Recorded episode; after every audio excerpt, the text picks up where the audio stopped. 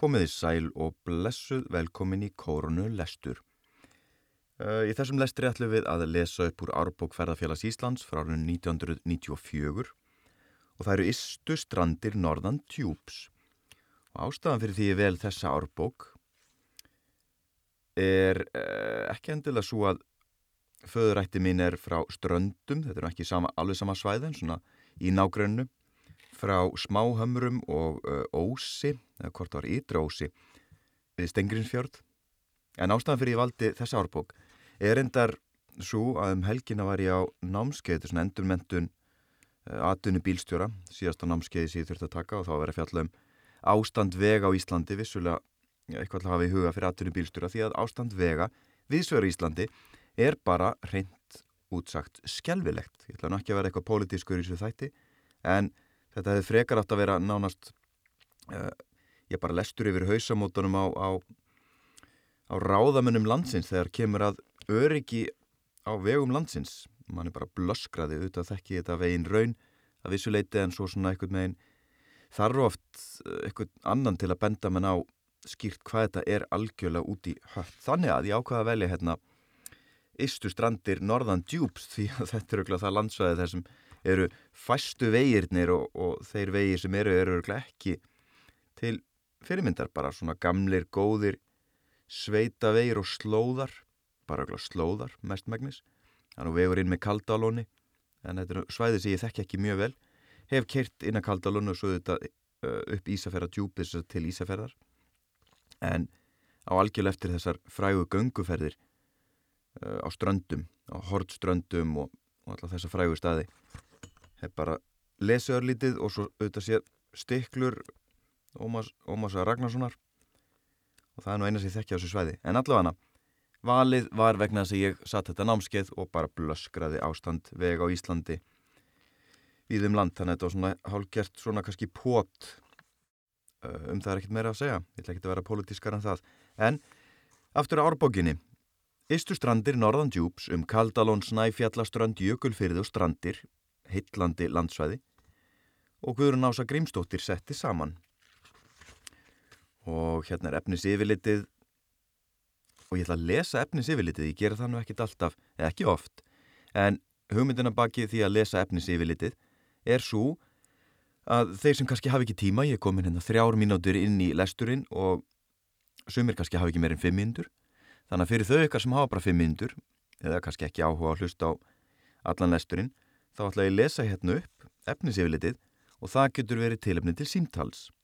Þeir geti annarkort átt ættingja sem er ættir að rekja þaðan eða einfallega ringt í eldri ættingja og spurt um þeirra upplifun af til dæmis Kaldalóni, Drángaujökli, Snæfjallaströnd, Innströnd, Unasdalur, Útströnd, að Snæfjallum undir Bjarnarnúp á Snæfjallaheiði, svo Grunnavík, undir því er staður í Grunnavík, byggðin í Víkinni, Staðardalur, svo jökul fyrðir. Það uh, fræga landsvæði sökum öruglega fólksflutninga þaðan, gríðala hardbílt og voru ekki margir af því svæði sem fluttu til Keflavíkur, er, er, er, er eitthvað skamhlup í höstnum á mér þarna. Einhver staðar af vestfjörunum allan að komu margir, eða fluttu margir til Keflavíkur þegar Keflavík var að byggjast upp. Allan að uh, einhver tengið þar. Jökulfyrðir, staðarhlýð, sveitin, um tindaskörð, leirufjörður, Hrafnfjörður, á Skorarheiði, Lónafjörður, Kvíjar, Veiðileysufjörður, Hesteirafjörður, Hesteri, Sletta, Grænalíð, Aðalvík, Skáladalur, Vestur Aðalvík, Staður í Aðalvík, Þverdalur, Miðvíknabás, Látrabás, frá Strömnesi á Alminninga Vestri, um Strömnes fjall á Skorum, Regavík bak Látur, Fljót, Alminningar Vestri, í Víkum, Kjaransvík, Hlöðuvík, Hælavík, Svo er það uh, örgla, ég frægast í staðurinn hérna sem allavega frá nútíma í tengslu við ferðalög á Hornströndum, Rekavík bak höfn, Hornvík, byggði Hornvík, á Hornbjarki. Svo uh, ekki jafn frækt allavega ekki svona allavega í mínum huga um Östurstrandir, nú er bara hann forvitin að lesa hérna, Almenningar Eistri, Látravík, jú þetta Látravík, Hrollaugsvík, Bjarnanes, Smiðjuvík, Barðsvík, Bólungarvík, Förufjörður, Þaralátusfjörður, Reykjafjörður og svo á ströndum sunnan Geirólfskunúps, Skjaldarbjarnarvík, Bjarnarfjörður niðri, að Draungum, Drangavík, Eyvindafjörður, Ófeiksfjörður, Sæljanes, Ingólsfjörð, Vestanvert og þetta er efnisefilitið yfir 240 blaðsýður, gjur þessu vel. En við höfum ekki meira tækifæri og tíma til að lesa meira heldur, kannski 10-15 blaðsýður í heildin og þessari árbók. En fyrir aðra auðvitað bara vonandi að geta nálgast þetta eitthvað með inn. En þetta er lestur sem er hugmynd byggð á tilefni til símtals og umræðefni við eldri ættinga meðan á COVID-19 ástandinu stendur. Þannig að ringi eldri ættinga og spurjum þessi landsvæði, reynslu þeirra upplifun, jafnvel búsitu þarna, forföður, formæður, sögur, kannski einhver þekki sögust Steinars sem er nú úr Ísafjara djúpun og það er sapn þar uh, honum til heiðurs. Rétt hjá Nauteri, hvað heitir aftur nákvæmlega staðurinn þar sem sapnið er? Alveg stóluðum er bæti því við. En við skulum bara fara beint í stóru spurninguna. Hvar eru Hortnstrandir þetta er hlut af ingangi árbókarinnar.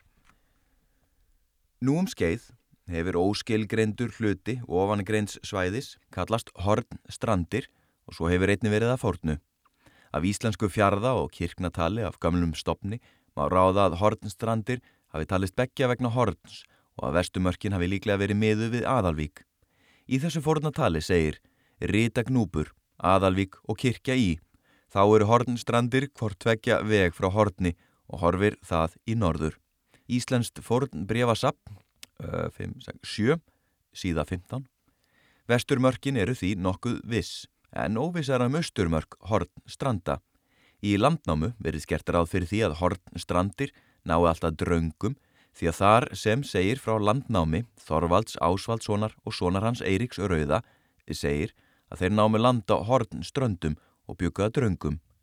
Líkt er að farið í Guðmundarsögu biskups á einum stað þar sem segir þeir voru komnir vestur á Hortnströndum að skjalda Bjarnar Vík. Í ferðabóksinni á átjóndöld talar Ólafur Ólafjus um Ingólsfjörð sem fegursta fjörð á Hortnströndum. Þorvaldur Tórótsen segir í ferðabóksinni að Hortnstrandir kalli menn í daglegu tali strandlengjuna norður af húnaflóa, vestanverðum, fyrir sunnan Hortn, en að eiginlega sé aldrei fast ákveðið hver takmörkin séu. Sjálfum finnst honum eðlilegast að telja Hortnstrandir frá tríakilli svík. En fremur, segir Þorvaldur, að á Hortnströndum muni vera málvenja að kalla ströndina frá Geirólsknúpi, vestur á Kauri, við fljót, Hortnstrandir. Heitið Norðurstrandir hefur verið haft um hluta af þessu svæði. Það kemur fyrir í Eirbyggju og Furufjörður og Reykjarfjörður eru sagðir á Norður ströndum í eignaskrá Guðmundar Ríka Arasonar á Reykhólum frá miðri 15. öld. Árni Magnússon mun hafa kynst ströndum af lýsingum heimamanna og á ferðum sínum við gerð jarðabókarinnar 1710. Hann segir að fyrir norðan Ísafjörð, svo sem í Grunnavík, greinir menn að austurstrandir og norðurstrandir og segir að austurstrandir byrjist um það byl við Geir Holm og strekki sér átt að dránga síðunni. En um það byl frá Geir Holmi og til Horts kallist norður strandir. Á vestfjörðar uppdrætti 1743 eftir sér að Hjalta Þorstensson í Vassfyrði sem einungis er til í eftirmynd Sæmundar Holm frá 1776 eru yngar Hortstrandir en norðurstrandir eru mertar um það byl milli aðalvíkur og Hælavíkur, en austurstrandir um það byl frá Látravík að Bólungavík. Lengi hefur verið til og er enn að kalla strandlengjuna frá Hortni og söðurundu Geirólsknúp austurstrandir. Svo er til dæmis farið að í vestfirskum annál frá 17. öld og sókna lýsingum frá 19. öld. Kallast svo nafngift á við heitið vesturstrandir sem til að mynda sér að Jón Ejjólfsson á staði aðalvík notar í sóknarlýsingu um Hafnarbás og Víkurnar. Það er að segja Kjaransvík, Hlöðuvík og Hælavík sem hann segir að sé á vestur ströndum. Til er að núlefandi menn fættir undur geirólsknúp kallið þann hluta stranda útstrandir. Heitið Horn strandir er sjálftaft í sveita lýsingum fyrir tíma og heimamönnum sem síðastir bygg á þessu svæði var það ekki tamt. Kristinn Kristmundsson segir í bókinum Slettur hrepp að síðustu hreppsbúum hafi borið saman um að vestur mörk, horn stranda, væru frá og með Kjaransvík og að austur mörkin hafi verið óljósari. en Kristinn telur eðlilegt að þau séu um Geiróls knúp. Byggðamenn á strandlengjunni frá Kauri að Hortni og þaðan söður með landi munum aldir hafa nefnt heimbyði sína strandir og farið vestur á strandir, út á strandir, norður á strandir eða austur á strandir eftir því hvar þeir voru í sveit stattir. Nafngiftirnar austurstrandir, hornstrandir, norðurstrandir, útstrandir, vesturstrandir hafa haft nokkuð óskýr mörk í landslæginu en líkast til oftast eru notaðar af ókunnum eða þeim til hægðar auka. Í þessari bók verður reynd að fylgja þeirri megin reglu að láta hornstrandir ná yfir strandlengjuna frá kauri að horni en heitið austurstrandir verður notað um strandlengjuna austan hortbjargs að Geiróls knúp. Suðaustan hans kallast strandir svo langt sem farið verður inn húnaflóa. Þá er í sumun tilvökum reynd að láta málvenjur heimamanna haldast og reynd að skrifa framdal þegar stemt er frá sjó og inn í landið en út þegar stemt er í áttað sjó ofan af heiðum eða úr fjarðar botni og út á ystu nes en aftur inn þá stemt er í fjarðar botn utan frá sjó. Hér mun og koma fyrir að skrifa sér fjörðurnar að venju heimamanna í jökulfjörðum en svo nafnmynd mun uppkomin af gömlu þolfallsmyndinni fjörðu og hefur verið notuð frá fórnu fari um jökulfyrði. Fallet á þetta í kvenkinni en uh, af þessa dæma þá náttúrulega þetta eru bara allar strandirnar með inn í þessari umfjöllum ger ég, ger ég ráð fyrir. Ég byggði þetta á því að ég skoðaði kort hérna í byrjun árbókarinnar og þar var Stengrinfjörður ekki með þannig að sá hluti stranda uh, taldi ekki vera hluti af þessari bók Nei, hvernig læti ég? Þetta eru þetta issu strandir, afsakið Núna verið að tala bara um strandir svona í víðara samengi Þannig að, eins og maður segir, á ættir að rekja þaðan en ekki, frá, ekki til istu stranda uh, Áframalesturinn Um landslag og lífríki Landsvæðið norðan Ísafjörðadjúps er á norður horni eldstu jarmyndunar Íslands sem nendir tertiera blágrítismyndunin. Hún er talin hafa byrjað að myndast fyrir að minnstakosti 15-16 miljón árum en lokið fyrir rúmum 3 miljónum ára. Berggrunnurinn er að mestu úr raunlögum, engum basalti. Lögin eru regluleg og nær hvert lag er raunflóð að uppruna. Sumstaðar eru raunin aðskilin að millulögum úr ímiskunar mólabergi sem í öndverðu var löst jarlag, til dæmis melur, leira, mold eða mór. Laugin mun einni blandin eldfjalla ösku og yfirborð skjalli, en járn sem losnað hefur um við veðrun efnana litar laugin rauð. Í lögunum á finna kólaðar júrtaleifar frá hlýskeiðum fyrir ævalöngu, sumstaðar eru nokkuð um surtarbrand til að mynda í grænulíð. Surtarbrandur var fyrir um notaður til eldi viðar og þótti góður, var lengi að brenna lagna. Sumset laugin munu vera vatna eða ársett, til dæmis þau sem finna má í leirufyrði og er um 70 metra þykk og gegnum þau ganga mjóir blágrítis gangar í mörgum greinum. Neðst í lögunum er rauð gósmöl en ofan á henni gráleit og gul leirsteinslög með vassnúðu, völubergi úr blágríti og kvarsi. Flest gós hafa komið upp í góssprungonum og raun mun hafa runnið yfir flatnesku á yfirborði og hvert á annað ofan. Nokkuða bergkvikunni hefur storknað neðanjarar á leiðin upp á yfirborðið og myndaði þá svo kalluð inn skot. Algengust þeirra eru berggangar og basalti sem storknað hafa í loðréttum sprungum sem sumar eru margir kílometrar að lengt en þráð beinar. Sumar þessar sprungur, eða gangar, hafa verið aðfærslu æðar raun lagana. Gangarnir skerast þvert í gegnum raunlaga stapla og milli lög og skaga víða fram sem bríkur og klif í fjallslýðum eða drangar og hleinar í fjörum og klettar og mjóir stapar er gangað í sjó fram fyrir fuggla eins og ófæra undir staðarlýð norðan Grunnavíkur, Súlna stapi. Langi kampur og fjöl undir Hælavíkubjargi og fjalir undan almenningum eistri. Berggangarnir stefna flestir úr norðaustri í suðvestur eða norð-norðvestri í suð-suðaustur.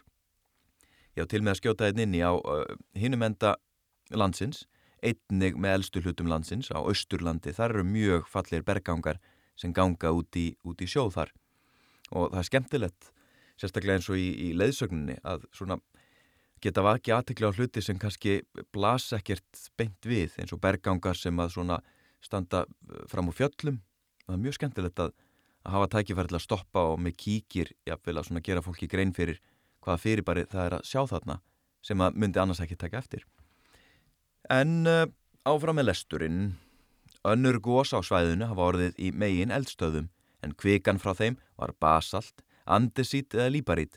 Leifar eldstöða með slíkum gósefnum muni verið í fjöllum sunnan jökulfjörða, seljafjalli, hrafnabjörgum og tröllafelli, en fremur í fjöllum fyrir botni hrafnfjörðar og lónafjörðar.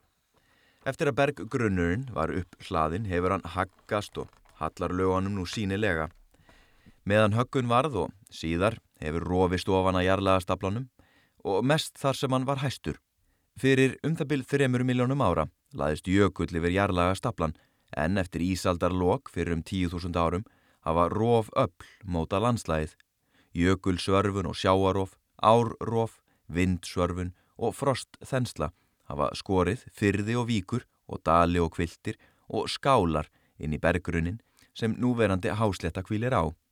Dalir og kviltir eru auðlaga með sléttum íkvolum hliðum og botni en slíkt skálar lager enkenn á jökulsortnu landslægi. Sjávar ágangur hefur jafnað, sléttað og sorfið berg sem úr sjó rís. Í raufum í sæbröttubergi myndast jarðvegur, engum að fuggla driti og svo er einni á bjargbrúnum ist við sjó sem algrænar eru. Undir lendi er lítið en landið allsett jökul runnum, skörðóttum og vindfáðum blágrítis fjöllum sem eru hefði efra nakin örafi með klettarhyggjum, tjörnum, urðum og fanna lágum en hefði læra skriður runnin undir klettabeltum og ganga undan þeim víða klif í sjófram. Í dölum og hæstu fjöllum leikja jöklar eða fannir allt árið en hæstu fjöll á svæðinu eru öll undir þúsund metra yfir sjávarmál. Hæst rís jökulbunga, dránga jökuls á þessu svæði í um 925 metra hæð. Vatn seittlar niður í urðum allan á sér ring eftir greiðum leiðum því efstil hluti berg laga staplans um 150-300 metra er sprungin og myndun hólu fyllinga í bergi ekki komin langt á veg. Berglögin er því leg.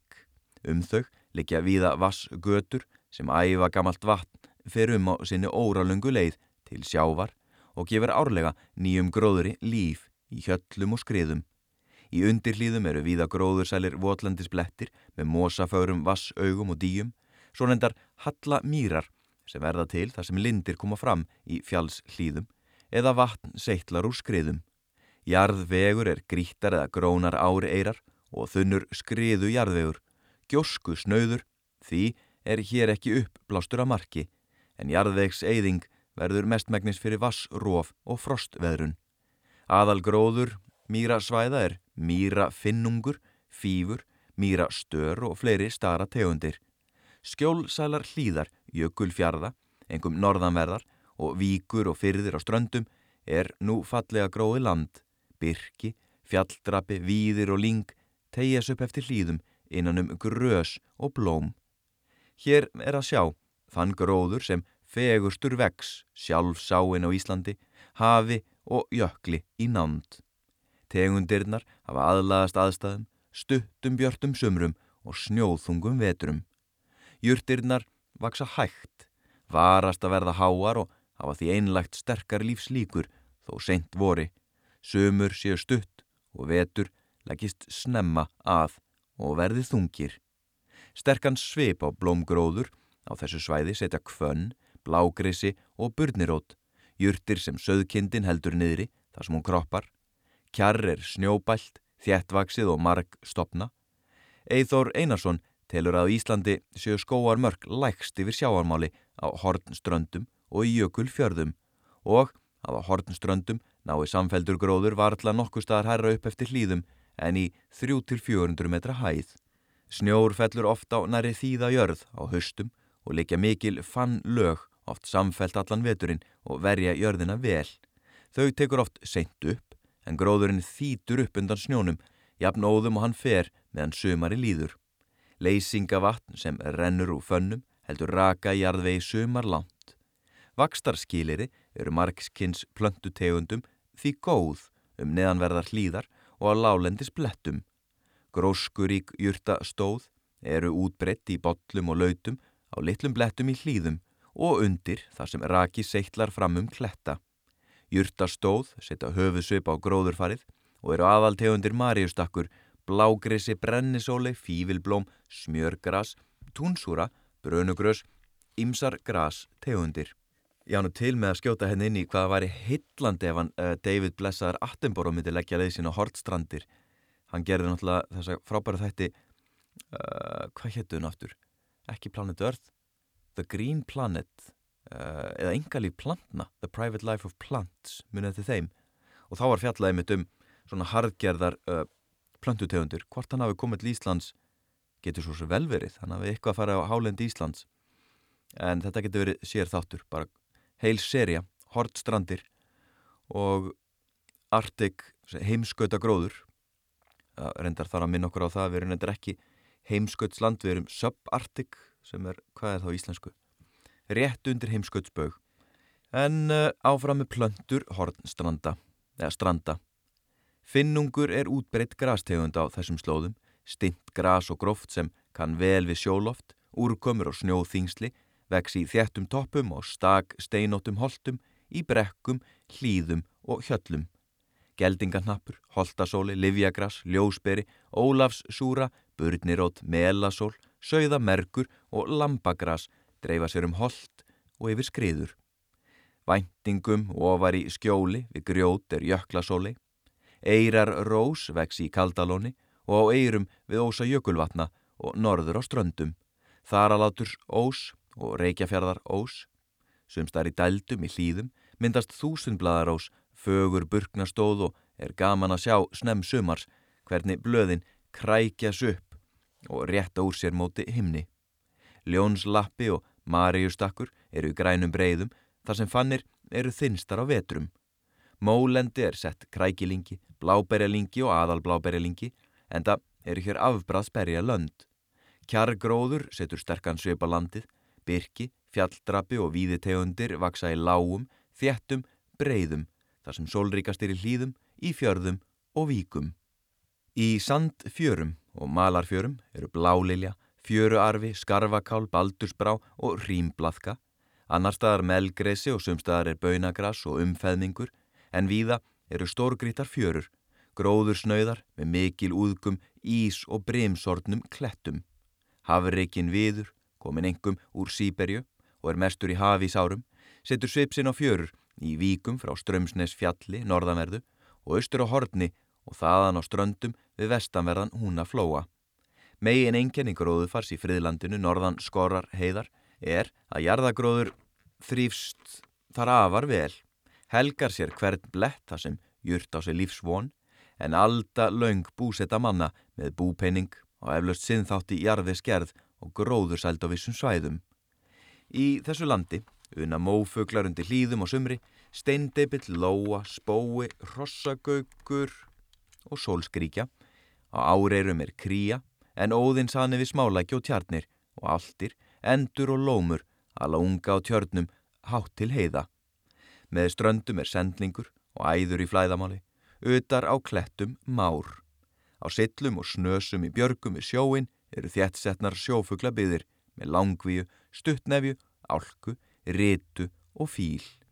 Það eru rétt áður en við uh, fjöllum um selin, eða lesum hérna um, um seli sem eru þetta bara nátengtir þessu landsvæði og hef séð ófáa seli þarna á ströndum.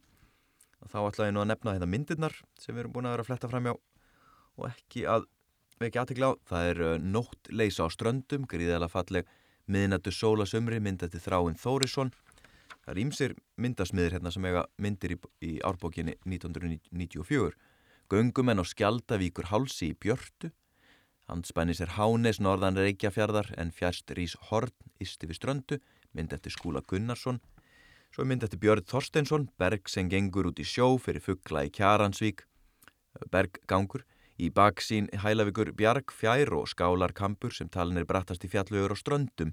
Æja, hann kom loksins eitthvað tengingu veginna sem að ég nefndi henni hérna upphafi. Svo er það loftsín á jökulsortna U-laga kvilt, Strömsnes dal, norðan við Strömsnes fjall sem er til hægri og skorar til vinstri vitin séstundir fjallinu. Í fjarska er rétur og sér réta skörð regís fyrir landi, mynd eftir Þröst Sigtryggsson. Ég veit að þið sjáu ekki myndirnar en ef það er einhvers sem skildi þekkja þetta landsvæði hefði komið þarna þá, þá eru þetta svona eins og maður kallar svona triggers, þetta er eins og finna ilm og endur upplifa minningar og vera bara stattur algjörlega í minningunni. Þið þekki þetta öll, þannig að ég er að vona til þess að lýsing á myndum geti þá kannski svona verið kvati til minninga. Svo er ljósmynd eftir Björn, önnur eftir Björn Þorsteinsson. Það er Mariustakkur, sóli og burknastóð vaksa í skjóli við grjót skriðu og á votu undirlendi díamossi og stjörnusteinbrjótur.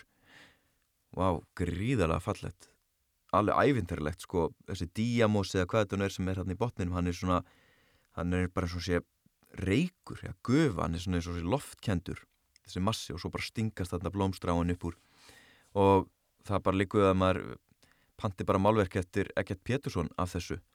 Hinn líðræðislega byrtingamind íslenskra plantna í málverkum Egert Péturssonar. Við höldum að fram Selur, engum landselur, afsakið þar að fletta hérna. Engum landselur liggur á skerjum og steinum. Þeir strendur í fjörðum og víkum heita því víða sela stillur. Kvítabirnir ganga stundum á land af hafís.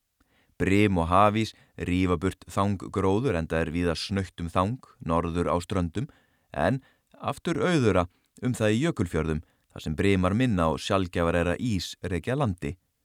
Úr hafísum hefur oft reykji kvali, stóra og smáa, upp á land fyrir ströndum, en forðum var kvalriki góð matbjörg, hverju búi og má finna um það mörg dæmi í annálum, eins og þetta frá árunnu 1694. Hafís mikill var á reki kringum Ísland, úr þessum miklu hafísum raki kringum strandir frá Aðalvík og á gjögurum í Nesrepp, þar að segja kaldranna repp. Nýju stórkveli, hvar af sömur lifandi á landhlupu en söma dauða upp rak, hvar á meðal fjóra hlupu á land í fljótum, þrjá á almenningum, einn á láturum, einn á gjögurum, er í hafís drepist höfðu. Sjóbyrtingur gengur í árósa og í lækjum og vötnum og lálendi kvikar sílungur. Refur og mingur eiga hér vísa fæðu. Oft má heyra tófuna gagga með glitrandi skott, læðist hún að fugglunum í fjörni og skilur eftir blóðslóð í grjótinu. Veðrasamt er á ströndum og í jökulfjörðum Biljótt og snjóa samt á vetrum og vætu samt á sumrum. Norðan og austanáttir eru kaldastar en sunnan og vestanáttir heitastar. Á miðjusumri getur orðið afar hlýtt en veður er oft ólíkt háttað samtímis á þessu svæði til að mynda eru stundum þokur og regn á ströndum en í jökulfjörðum sunnan við fjallgarðin solskin og hitti. Þetta er svipa fyrirbæri og við þekkjum frá vatnajögli, skaftafell og svo uh, austan svo austan við nappavelli þar getur alveg gjör ólíkt uh, veðurfar Hafís kemur vanlega fyrsta landi að Horn Bjargi eða Annesjum og Eyjum Norðalands og er oft undan landi jamt sumar sem vetur og hefur áhrif á veðráttu og gróðurfar veldur umhleypingum og áhlaupum þóku og ísingu þegar hann skröldir með ströndum en stillur og frostverða þegar ísin er landfastur. Yfir öllu landi norðan djúps rýs drángajökull, kveldur og bjartur og landslæð, bert sem gróið ber merki hans. Jökullin er á undanhaldi, í aðrar skriðjöklan á hopa óðum og upp úr jökulbreiðunni rýsa sker eða klettaborgir því hæra sem hjarnbungan mingar. Fylst hefur verið með jöklinum síðan árið 1931 og er talið að jafnvel lítilvægar loftlasbreytingar hafi áhrif á skrið hans og stál. Á 30 árum er talið að stærstu jæðrar skriðjöklana hafi hopað um 900 til 1000 metra. Snæ línan á dranga jökli telstur oftast 600-700 metra yfir sjáarmáli en er breytileg eftir árferði. Í hlýjum sumrum geta hjartmörk verið í 800 metra hæði yfir sjáarmáli. Árið 1956 var jökullin 190 ferkilometrar að starð en munum þessa mundir mælast um 140 ferkilometrar. Frá Drangajökli voru taldar falla 10-12 jökul ár um síðustu aldamót en þá fór jökulvatn niður í Förufjörð og Hrafnfjörð en nær ekki þanga lengur að ráði. Undan jöklinum falla nú fjórar aðal jökulár. Selá kemur ofan Skjaldfanardal, Mórilla fer í Kaldalón, Fjörðurinn í Leirufjörð og Reykjar fjardar Ós í Reykjar fjörð.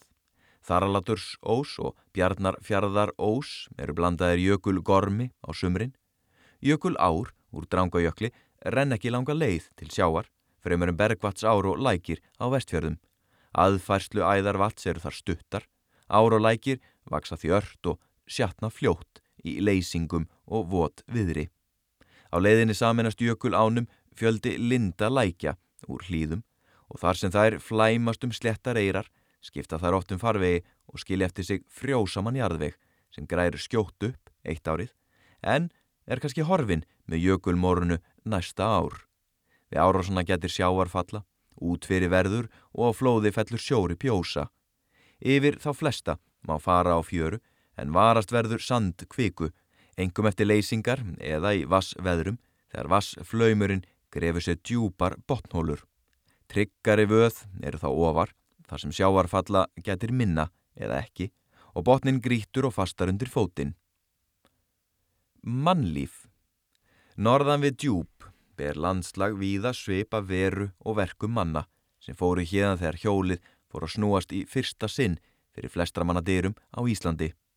Lesa má á landslæginu verk menningu sem mótu var að fornum búskaparháttum og hvernig hún þróaðist í andanýra tíðar. Tún og rústir að byggingum og torfi og grjóti, sökva rólega í kvönn, kerfil, sóle og gras, mannabústaðir, kirkjur, barnaskóli og félagsheimili standa upp úr gróðrunum og stórvaksinn rababari er í görðum og sumstaðar sjást smávaksnar greni hríslur, leifar af hugssjónum aldamóta kynnslóðarinnar.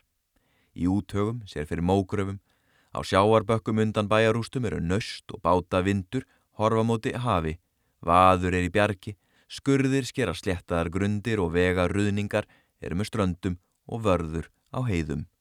Slittnar símalínur sjást, bryggjustúvar, versmiðurústir og auðar hermana búðir.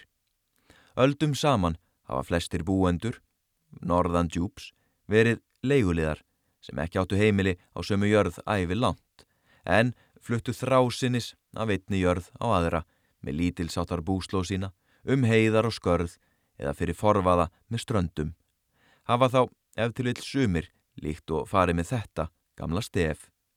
Þið ljentan stól og leigu ból, líst mér hver sið þekki, hér á jörðu heimilið, vort er ekki. Svo er það tvær myndir eins og bara beint frá veður.is, þetta er meðal hittasti í júli á tímabilinu 1931 til 1960 og það er svona hér um 8 gráður, 8, 9, 10 gráður.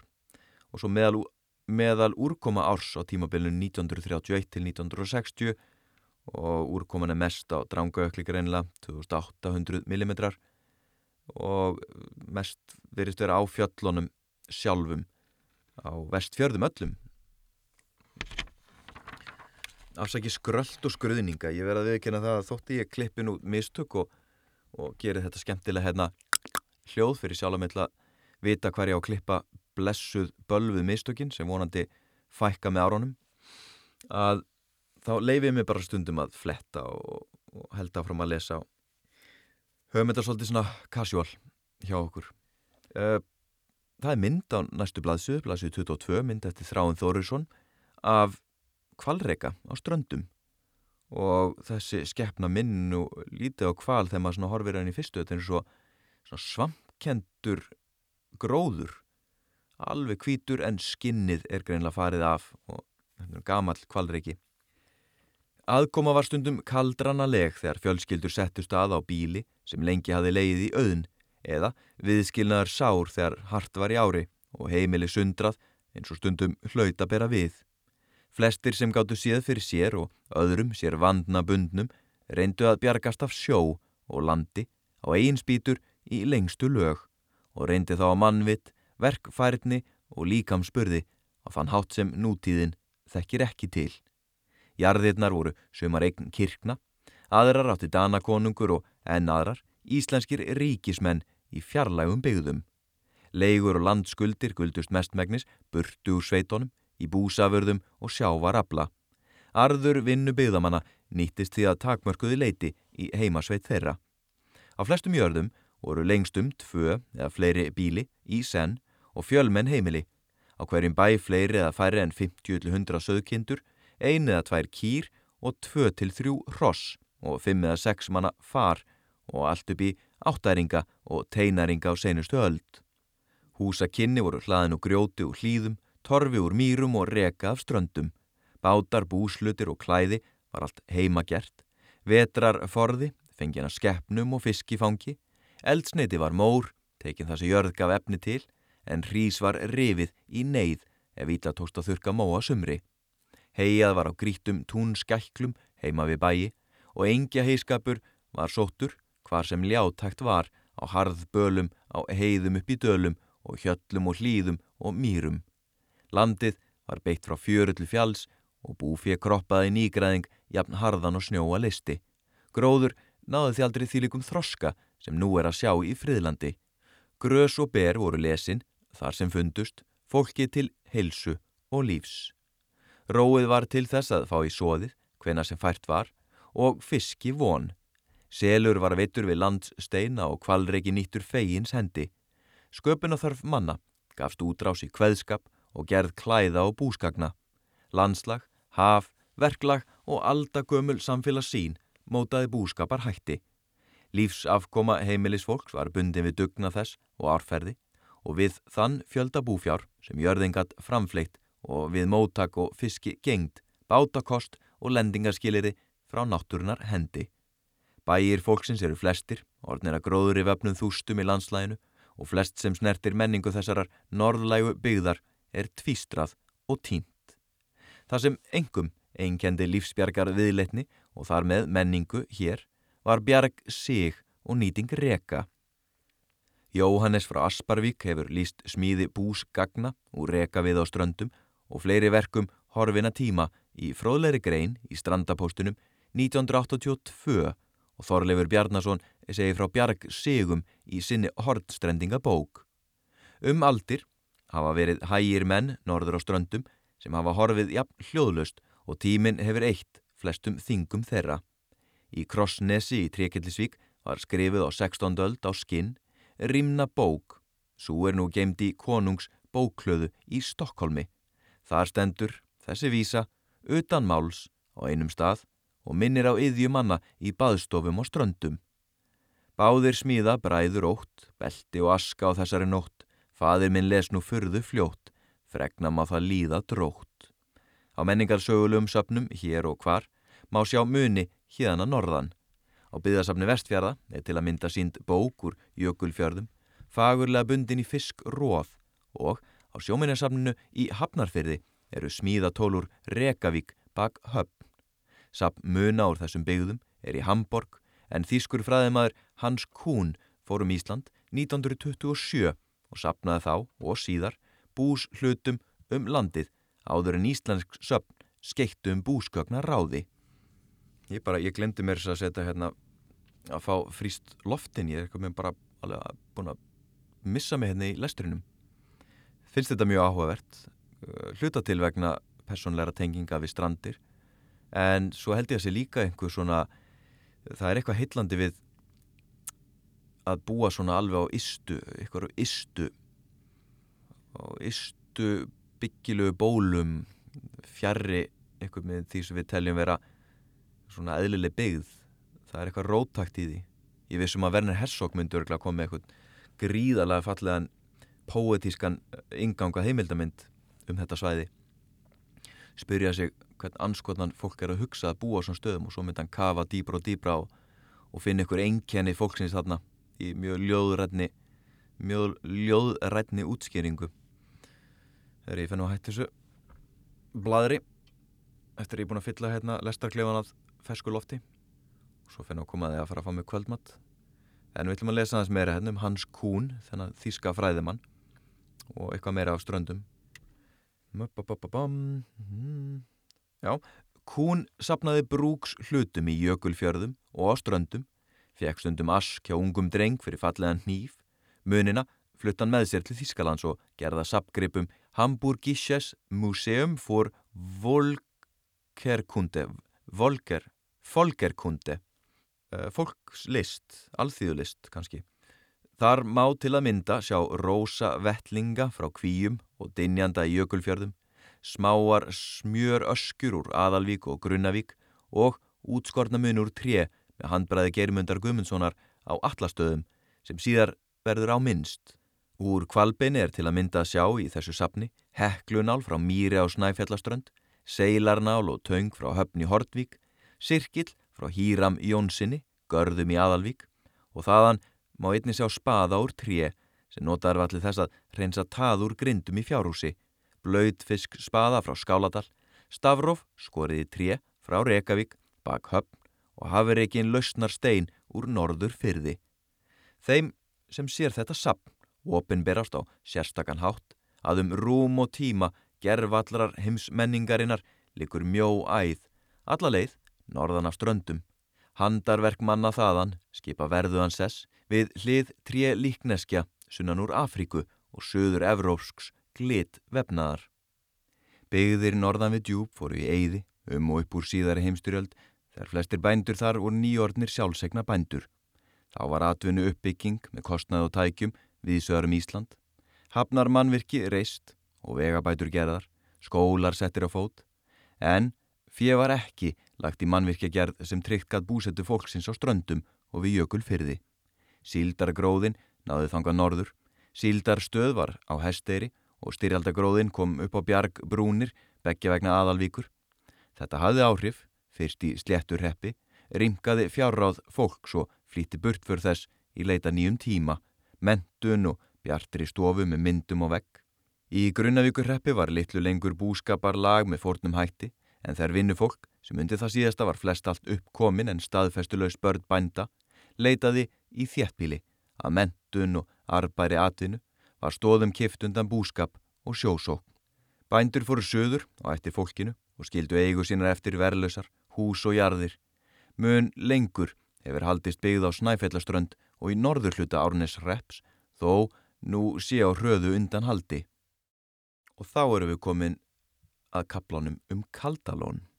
Það er nú, það er nú staður sem er náttúrulega algjörlega samtengtur einu helsta tónskáldi Íslandinga, lækninum og tónskaldinu Sigvalda Kaldalóns sem var læknir í nöytira héræði í 11 ár og bjóð samt fjölskyldu sinni í árumóla til 1921 og við ætlum að lesa núna um Kaldalón og svo skjótu við kannski inn í einhverjum hugleðingum. Lón djúb gengur norðaustur úr Ísafjörðadjúbi og fjörður og hlýðbrattur dalur fram að því heitir Kaldalón. Yfir rýs drangajökull og ofan úr honum fyrir skriðjökullstunga í Kaldalón og er kalluð Lóns jökull. Jökulgarður, mikill, leikur bámyndaður, þert yfir Kaldalón og slitur brota úr öðrum eru framar og nær jökli. Jökulgarðarnir var myndast á ruðningi sem er hrúast upp við framrás jökulsins á kuldaskeiðum og setnu öldum.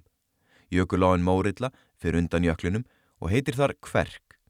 Áinn kvistlast ofan eirar og leirur út í fjörðin undir norður hlýðum og hefur rofið sér farveg gegnum jökulgarðin svo skarð er í og vindar og vatn á svifturunum jarðvegi en víða er garðurinn vaksinn fríðu byrki kjarri og fjalldrapa millir finnungsbala og smá tjarna. Bjarni Jónas Guðmundsson hefur orrt brag um örnefni hér um slóðir og segir um Mórillu.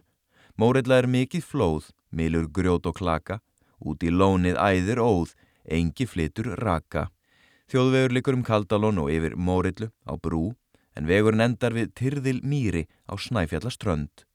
Trimbil staðir eru sunnan til í Kaldalóni, rétt innan við Jökulgarð og hafa munnmæli, sagt, þar hafi verið byggð. Lón Holl er örnefni á gróðurlendi með finnungi og kjarri á jökulgarðinum norðan Mórillu. Mælt er að þar hafi staðið samlendur bær. Skráðar munmæla sagnir, hermað innan við jökulgarð hafi verið engjar góðar og svo viðlendar að tólf karlar sló ekki meira en þær sumar langt. Hétti tólf karla engi. En vera má örnefnið sé runnið undan þeirri þrák elgni manna sem lengi hefur verið við líði að sjá eftir henduleikum fortíðina grónari og betri en sína eigin tíð. Í Kaldalóni má ganga fram á líparitt móla á ár eirónum, í háum klettum eða skörðóttum klettahöfða í norðanverðum hlýðum út og upp af jökulgarði þar sem keggsir heitir er líparít, rauðleitt að sjá. Stak steinótt er á leironum, næst sjó og fugglalíf er þar fjölsgrúðugt, sandlóa og þar í önnum á varptíð og aðri vaðfuglar, einni mávar, aldir og gæsir. Út fyrir er mikið og fyrrum var riðið yfir kaldalón á fjörumilli eirana, lónseirar að norðan en seleirar að sunnan, en sávegur er talin ekki hættulaus, sökum sandbleitu og bestur kunnugum.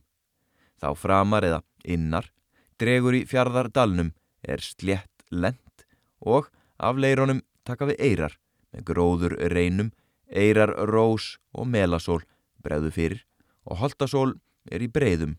Þá enn framar kemur er jarðvegur þykkari og gróðurlendi samfældara og fjölbreyttara, stör og brók og tjarnir í lágum. Fremst í fjardardalnum er berangur, stórgerðir grjóthólar, gróflega sortnar klappir og djúb vassaugu umkringt urðar rönum. Yfir kaldalóni að sunnanverðu er ísa votubjörg í stöllum þar sem skiptast á svartir klettavekkir og röðleitt setlög. Sífælt vætlar úr berginu og að því verða dökklitir flákar að sjá. Mjó skriðjökulstunga hrinur fram af berginu innst í kaldalóni við enda votubjarga undan jöklinum fyrir jökuláin að beru grjóti uns og nær leironum úti við sjó. Landslagi í kaldalóni er líkt því sem Ísöld sé þar nýliðin jökul sorfin blágrítistalur og jökul á sem fyllir upp í fjörð með framburði sinum dag hvern. Utan Votubjarga teku við lækjótt og kjargróin hlýð, girt mjóum klettabeltum, fönnum sett efst og leysir seint úr. Þá utar, dregur, er fallega gróð og slett votlendi undir hlýðum, vaksið mýra finnungi og broki og tjarnir og læmur likið milli. Háafell, 698 metrar, er nokkru utar og ofar en Votubjörg, hæsti hluti kletta hlýðarinnar. Utarlega þeim megin gengur mjó eiri í sjó, sel eiri, líklega mestmægnis mynduð að framburði kaldár er kemur úr kaldár vatni upp á fjallinu. Norður hlýðar kaldalons eru vaksnar grósku miklu byrkikjari og ofan streymir bergvatn sem jökuláinn tekur við þar sem hún flæmist fram eirar til hafs. Í góð viðri að vor lægi koma bísnaf ám og naflausum sprænum úr hlýðum beggjavegni kaldalóni, gamalt vatn úr yðurum jarðar, blandast nýleistum snjó og vekur á sipstundu, gróður til lífs, skamvind sömar, kjarr og grös. Einangurs ár, tvær, koma á sérkennlu sornum gljúfrum innanlega í fjardardalnum að norðanverðu og falla af bergi í mórillu. Utar fara fimm þverár úr þverár hlýð í mórillu og enn utar fara torf á og flauta á til sjávar. Í Kaldalóni er rómuð fegurð. Tónskáldi góða Sigvaldi Kaldalóns var læknir í nautera héræði í 11 ár og bjóða samt fjölskyldu sinni í ármóla til 1921. Hann, samti ástsæl sönglaug í Íslandsk ljóð, kendi sig við Kaldalón. Sextur rakti hann þaðan minningar. Landið um hverju stjúpið er forkunar fagurt og það hafði mikil áhrif á mig. Engum eru mér minnistæð, ferðalög á sömarkvöldum, meðfram strandlenginni, þegar fjöllin færðust fyrst í purpur og glóð, kveldsólargeislana, en blánuðu svo eftir sólalæð og æð því meir sem lengur leið á kvöldið. Hafið var djúblátt, flötur þess, slettur og speklandi í kvöldkerðinni, út úr jörðinni laði ángan og grósku hinnar frjósumu moldar. Slíkar stemningar hafðu mikil áhrif á listsköpu mína og einmitt á þessum stundum fættust í huga mínum þau lögi mín sem vinsalust hafa orðið meðal almennings. Við brúna á Mórillu er kjörið tjaldstæði. Gönguleðir er auðvelt að finna úr tjaldstað, fara maður út með ströndinni eins langt og hvert listir, eða ganga í krók og kringum fjardardalin sjálfan, þar sem sjá maður margbreytileg för eftir jökulin, ruðning og grófir og slettur með gróðulendi, þar sem jurtir og háfjöll spekla sér í kyrðum í tjörnum og söðfí og nöyðgripir er á beit skamt undan en um langan aldur hefur Kaldalón verið helst afriðta land bænda í snæfjallar reppi og það eru tvær ljósmyndir uh, sem ég ætla að nefna áðurinn í fletti frá blæsið 27-28 það er Hort inn Kaldalón frá Seleri. Það er mynd eftir Björn Þorsteinsson Þorsteinsson. Og svona tekin, hann er eitthvað vaðið þarna eitthvað út í sjó og það er að flæða aðgreinlega og svo er jökullin þarna fyrir innan og það er ennþá fannir í fjöllum en grættin gróður minnir á það hvað er snjóð þungt á sér svæða, bræðið er ekki eins og allar skabla á sömrin og svo er næstu blaðsið Holtasóli á Jökulgarði í Kaldalóni séð fram að jökli. Jökulholt ber við loft til vinstri, Votubjörg til hægri Mórilla fer undir norður hlýðum og það er fallet þarna gríðalega fallet, ég farið þarna nokkru sunnum ég dvalið þarna á Nauteri í Steinshúsa sem að Stein sapnið um hann Stein Steinarir hann er úr, frá, úr Ísafæradjúbi og hann frendi minn Þórarein Magnússon, bróðurna ömmu hann setti þetta sapna á fót. Og þarna hef ég svolítið dvalið uh, og átt alveg unarslega stundir að ganga þarna niður við Ísafæradjúbið og keira þarna inn eftir. Og ég man eitt kvöldi því ég var að keira þarna inn eftir var keiri átt að kaldalóni og þetta hefur verið svona í júni eitthvað tíman það var 14. 15. júni ég man eftir þess að ég fór með uh, þá verðandi kæristunum minni henni Sigrunu og við áttum indislega ferð þarna á vestfyrði og keirði þarna inn eftir, ég átti að kaldalóni og þá er örn sem flýgur þarna samsíða bílnum og það var alveg magnað ég sé erðni nokkur sinnum á, á landinu í kringum breyðafjörðin en þarna var hann mjög nálagt og það var alveg ótrúlegt að sjá hann þarna svífa bara já, vangjum þöndum og á þess að blaka vangjónum virtist verið í langa, langa stund. Og það var kvöld nálgast svona, ekki sólseitur sólinn sest nú eiginlega bara aldrei þannig en það var eindislegt svo fallegt og svo mikið kyrð og einangrun og bara friðsælt. Og svo ég farið með ljósmyndar hann inn að kaldálunni, gengum inn að jöklun og já, það er svona mína minningar frá þessu svæði en nún er komið að kaplunum um drángjökul og það er undir kapli og það segir á dránga jökul. Er greið leið upp úr kaldalóni. Þá er farið upp á brúninnar fyrir einan keksi og, og haldið undir jökulholt heimri jökulholt og fremri jökulholt. Nefnd svo frá lónseyri og þaðan stemt á jökulin með mið á jökulbungu sem er hæsti hluti drángajökuls 925 metrar.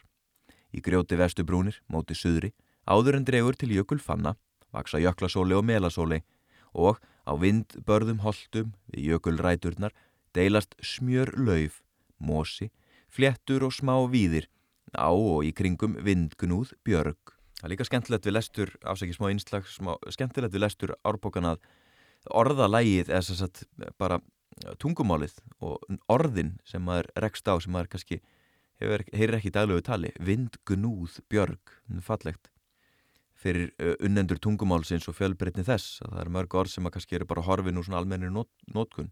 En ég til er nú yngri kynsluðin og er alveg segur um það að vera ekki ekki fullfærum að nýta tungumáli til fulls. Reynum að bæta úr því.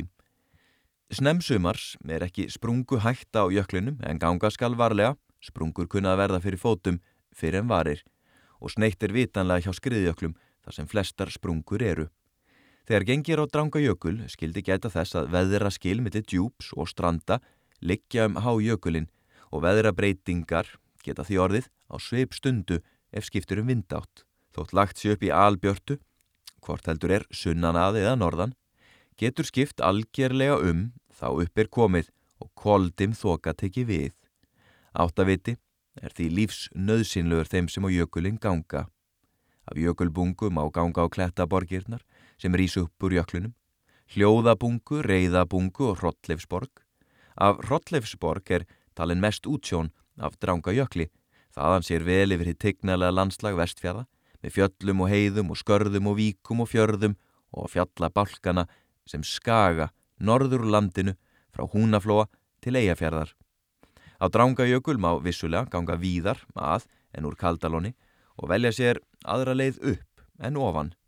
Leiðun úr Kaldalón er heitlanda því leiti að þar er farið næst hópandi skriðökli sem skilur eftir sér nýfætt landslag. Þegar lagt er upp er líkt og að ganga inn í skaut landsins og þá upp úr því kemur og stendir á bjart jökulkvelið má göngumanni þykja sem hann hallist að kvítu brjósti skapanda þess lands sem tegir sig undan jöklinum, hrjúft og kallt ásindar. Mikil fengleg útsjón er af drangajökli og undursamleg nálægð þar uppi við heiminn í byrtu og kyrð. Hvort heldur marrar í eða sekkur er þar sælt að ganga. Og myndirna hérna, það eru litmynd á blasið 28, fótspor í snjónum á Drangahökli, hort söður á brúnir Háafells, nær og lægri eru Votibjörg, það er Björn Þorsteinsson og svo eru tvær ónefndar myndir svarkvítar og það er á jökulbungu Dranga Jökuls, jökulfyrði til vinstri. Svo er það Snæfjallaströnd, ég á nú til með bara að kasta svona kveðju út í, uh, kasta bara, já kasta bara kveðju, Ardís, Ardís frá Snæfjallaströnd, kær kveða til þín, ef þú skildir eitthvað tíma að heyra þetta. Uh, verður alltaf að hugsa til þín þegar, nefnir, þegar ég les um Snæfjallaströnd, þú nefnir hann og svo oft, átt ættir reykja þaðan. Ströndin frá Kaldalóni og út að Míganda, læk sem fer fram af Vélbjarnar Núb, Bjarnar Núb, Núb, þetta er í svega, miðjum, kallast Snæfjallaströnd, stitt í ströndin og íbúar þar strendingar. Ströndin skiptist um unastal, kallast út strönd utan hans en innströnd innan hans og í Kaldalón. Líti undirlendir á ströndinni, klettótar hlýðar með fannalög og gróna hjalla og klettabakkar víða við sjóin. Snæfjallar hreppur næri við Snæfjallaströnd alla, fjölmennur hreppur fyrir á tíð enda fjöl sóttir útgerða staðir út með ströndinni. Árið 1910 voru 223 manns í hreppnum en fækkaði óðum eftir það. 62 áttu þar heimili 1950 en í áslokk 1993 áttu þar heimili 12 manns. Innströnd. Við minni Kaldalóns norðanvert undir brattri fjalls öksl gengur mjó, gróin tá út í sjó. Þar heitir Lóns Eyri. Fjallendi norðan Kaldalóns kallast allt Lóns Eyra fjall fram að jökli. Lóns Eyri er talinn 2300 jörð í jarðabók Árna og Páls, þótti land kosta jörð, góð til útigangs og talið til hlunenda að þar var nægur skóur til eldiviðar og kól gjörðar og bjarglegur til raftviðar, bjargleg sölvafjara, en veðra samt af norðri og hætti snjó og fjall skriðum. Lending er þar talin góð og heimræði voru haust. Bændur á ströndinni fengu fyrrum upp rekstrar leifi í Kaldalón fyrir fjesitt og guldu lónsæra bændum toll eftir ítölu. Jens í Kaldalóni byði húsið sem nú stendur á lónsæri árið 1934.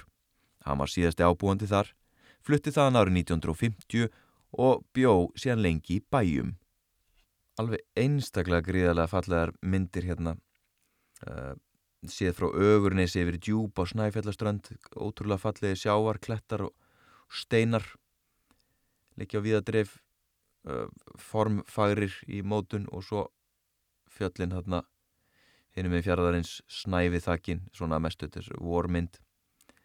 Og svo er hort út yfir lóns, út á lónseri grjótlaðin túngarður þar. Kaldá fer ofan hlýðina, mynd eftir Björn Þorstensson, eða báðar, svo mynd eftir Þórir H. Óskarsson á mörgum milli innri strandar og ytri strandar. Núna fer þetta að vera spennandi, ég sé hérna nokkra myndir sem benda til umfjöllunar efnis og ég ætla bara að lesa fram að því, ég er honum spenntur. Hlýðarnar framann við Lónseira bæ eru kallaðar Lónseirar hlýðar. Rétt utan við Lónseri heitir Leiti eða Lónseira Leiti Það er mjög brattlend til sjávar niður. Fyrir utan leiti tekur bæja hlýð við og næra bæjum, skiptir löndum millir lóns eirar og bæja, brött hlýð með grösum hjöllum og brekkum. Niður undan henni eru háir sjávarbakkar og stutt nesundir, búðar nes, en högg yfir 193 metrar. Yfir hlýðinni er bæjarfjall 506 metrar, gróður snöytt og undir lári brún við hlýðarenda eru bæjir á Snæfellaströnd 2400 jörð að fórnu. Bænhús var þar fyrrum. Þegar jarðabók Árna og Páls var gerð var all jörðin í eigu lögréttumannsins Runóls Ólafssonar að Lagsfossi í Borgarfjörðarsíslu voru þá fjórir ábúendur. Í bæjum hefur lengi verið markbílt, héttu bæjir þar á setni árum, neðri bær og herri bær og hólhús. Nýbílið Lingholt í landi bæja byggðu sér 1935 hjónin Salbjörg Jóhanns dóttir, ljósmóðir, fætt 1896 og Yngvar Áskirsson bondi, smiður og bókbindari. Þar var skólahald 11 vetur eða til vorsins 1947. Salbjörg bjó ekki á Lingholti lengi eftir lát mannsins og hlauti minningarein eftir eitt sinna ljósubarna titilinn Móðir strandarinnar. Hún flutti það 91 árs en Engilbert sónur hennar bjó jafntímis á Tyrðil Mýri. Sjávargata liggur á snið undan neðri bæ, niður bakka í stórgrýta fjöru, þar sem fyrrum var lagt upp að og heitir vör.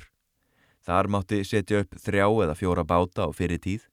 Fyrsta bryggja í bæjum var smíðuð 1946. Bryggjan, sem þar er nú, er viðkomustadur djúb bátsins, stutt sikling frá Ísafyrði.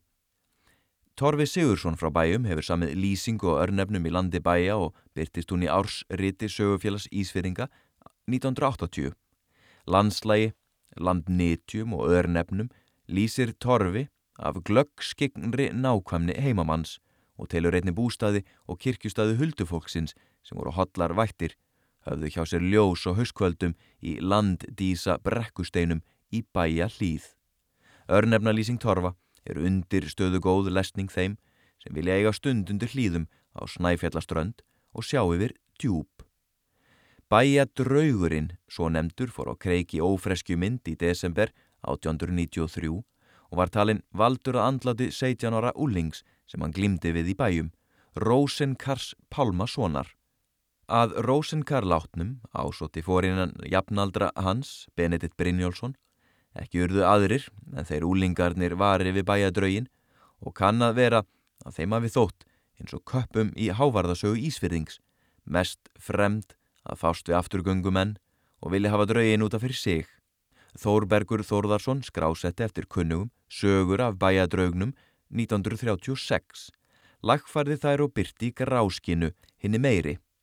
Utan við bæji taka við stapamýrar, er draga napsitt af klettabökkum við sjóin er nefnast stapar. Þar fyrir utan eru bæja melar, er svo kallast út að dalsá.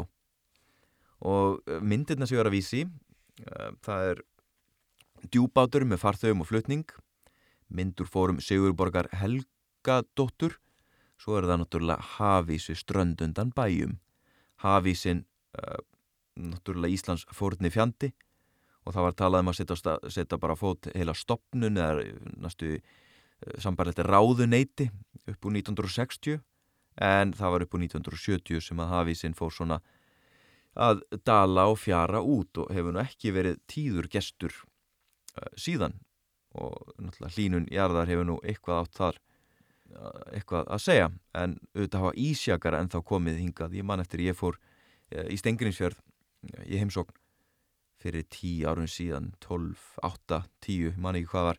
Og satt á smáhufurum að fá kaffi og horfið út um eldursklukan og horfið mitt út á þennan mikla ísjaka sem var hérna í marga marga vikur. En það er hafísi ströndundan bæjum, myndin er líklega tekin rétt um 1940, myndur fórum Guðbjargar Halldórsdóttur. Svo er myndaðinni Salbjörgu, Jóhannsdóttur, ljósmóður, nýrað við bæjinn sinn Linkholt. Hún er í skautbúningi og skuggin af henni þarna fellur á kvítan vekkin á Linkholti skemmtileg mynd skemmtilegt, ég mann þegar ég var í Nóri þá hitti ég hópa af eldri konu sem ég spjallaði við um skautbúningin og það er allar lipnuðu við og það var alveg svoleiðis frásagnir um, um skautbúningan eða á litina og hvað litur eru tengdir hvað á stöðum í Nóri og ég veit ekki hvað og hvað það var alveg þetta er mikil tradisjón þar sem er viðhaldið og jáfnvel að því litunni til að, að ég man að þessum tíma, þetta eru tvö ár síðan og þá ég var að ferast um um Európa að búið til þættina uh, mína borgarmyndir og var þar að taka viðtöl tók viðtölið klæðskera sem að býr til uh, skautbúninga. Búnat, heita er búnat og hún sagði mig frá því að uh, unga stúlkur ungi strákar nota myndir af sér í þjóðbúningnum á stefnumóta síðum það er ekkert verið að, að, að glenna sig á, á fáklætt en eitt slíkt, það bara eru inn, inn á milli allavega myndir að þeim í skautbúningnum, bera hann stolt og tjamma meiri síðanum þótt að sé vist ykkur reglur og lög gegn því er ég ætla að hætta lestur í kvöld ef ég held áfram, þetta er nú komin alveg vel á klukkutíma að meira lesturinn. Er við segjum þetta gott. Við, við lesum ekki allt og mikið úr hverja árbók fyrir sig að hverju sinna, má ekki það má ekki vera að halla ójæmt á aðra. Þannig að bara ég þakka fyrir hlustun á þessum þætti frá Istu ströndum. Það er komið hérna sent á kvöldi klukkan að vera tíu. Og ég á örglegt eftir að lesa meira og það er algjör eigingirni og personleg tenging við strandir sem var munlega til þess að ég mun lesa aftur frá ístu ströndum. Ég ábyrgist það og aldrei veitin að mig fari bara á strandir í sumar. Fóna á smala ströndum hérna fyrir ekki fyrir aldur hitti fyrra. En ég þakka fyrir hlustunna Sári Jóndursson hveður og bara hvet ykkur til að auðvitað hlusta á eldri þætti benda ættingum á sérstaklega eldri kynnslóðinni sem að eh, er alveg fullfær teknilega séð mörg að hlusta á slíkt efna á netinu eða jafnvel podcastformi. Þetta er svo ótrúlega ólíkt bæði eftir aldri og einstaklingum. En í þriðja lagi er þetta bara tilefni til þess að ringi eldri ættingja og spjalla um viðfarsafni lestusins þannig að hver sem tenging ykkar er við uh, eh, Hortstrandir, Östustrandir, Norðustrandir og svo framvegis og Ísafjara djúb en til að ringja, spjalla, spurja og uh, já, eða ekkert meira að segja en það. Hafa það gott, takk fyrir mig, verið bless, bless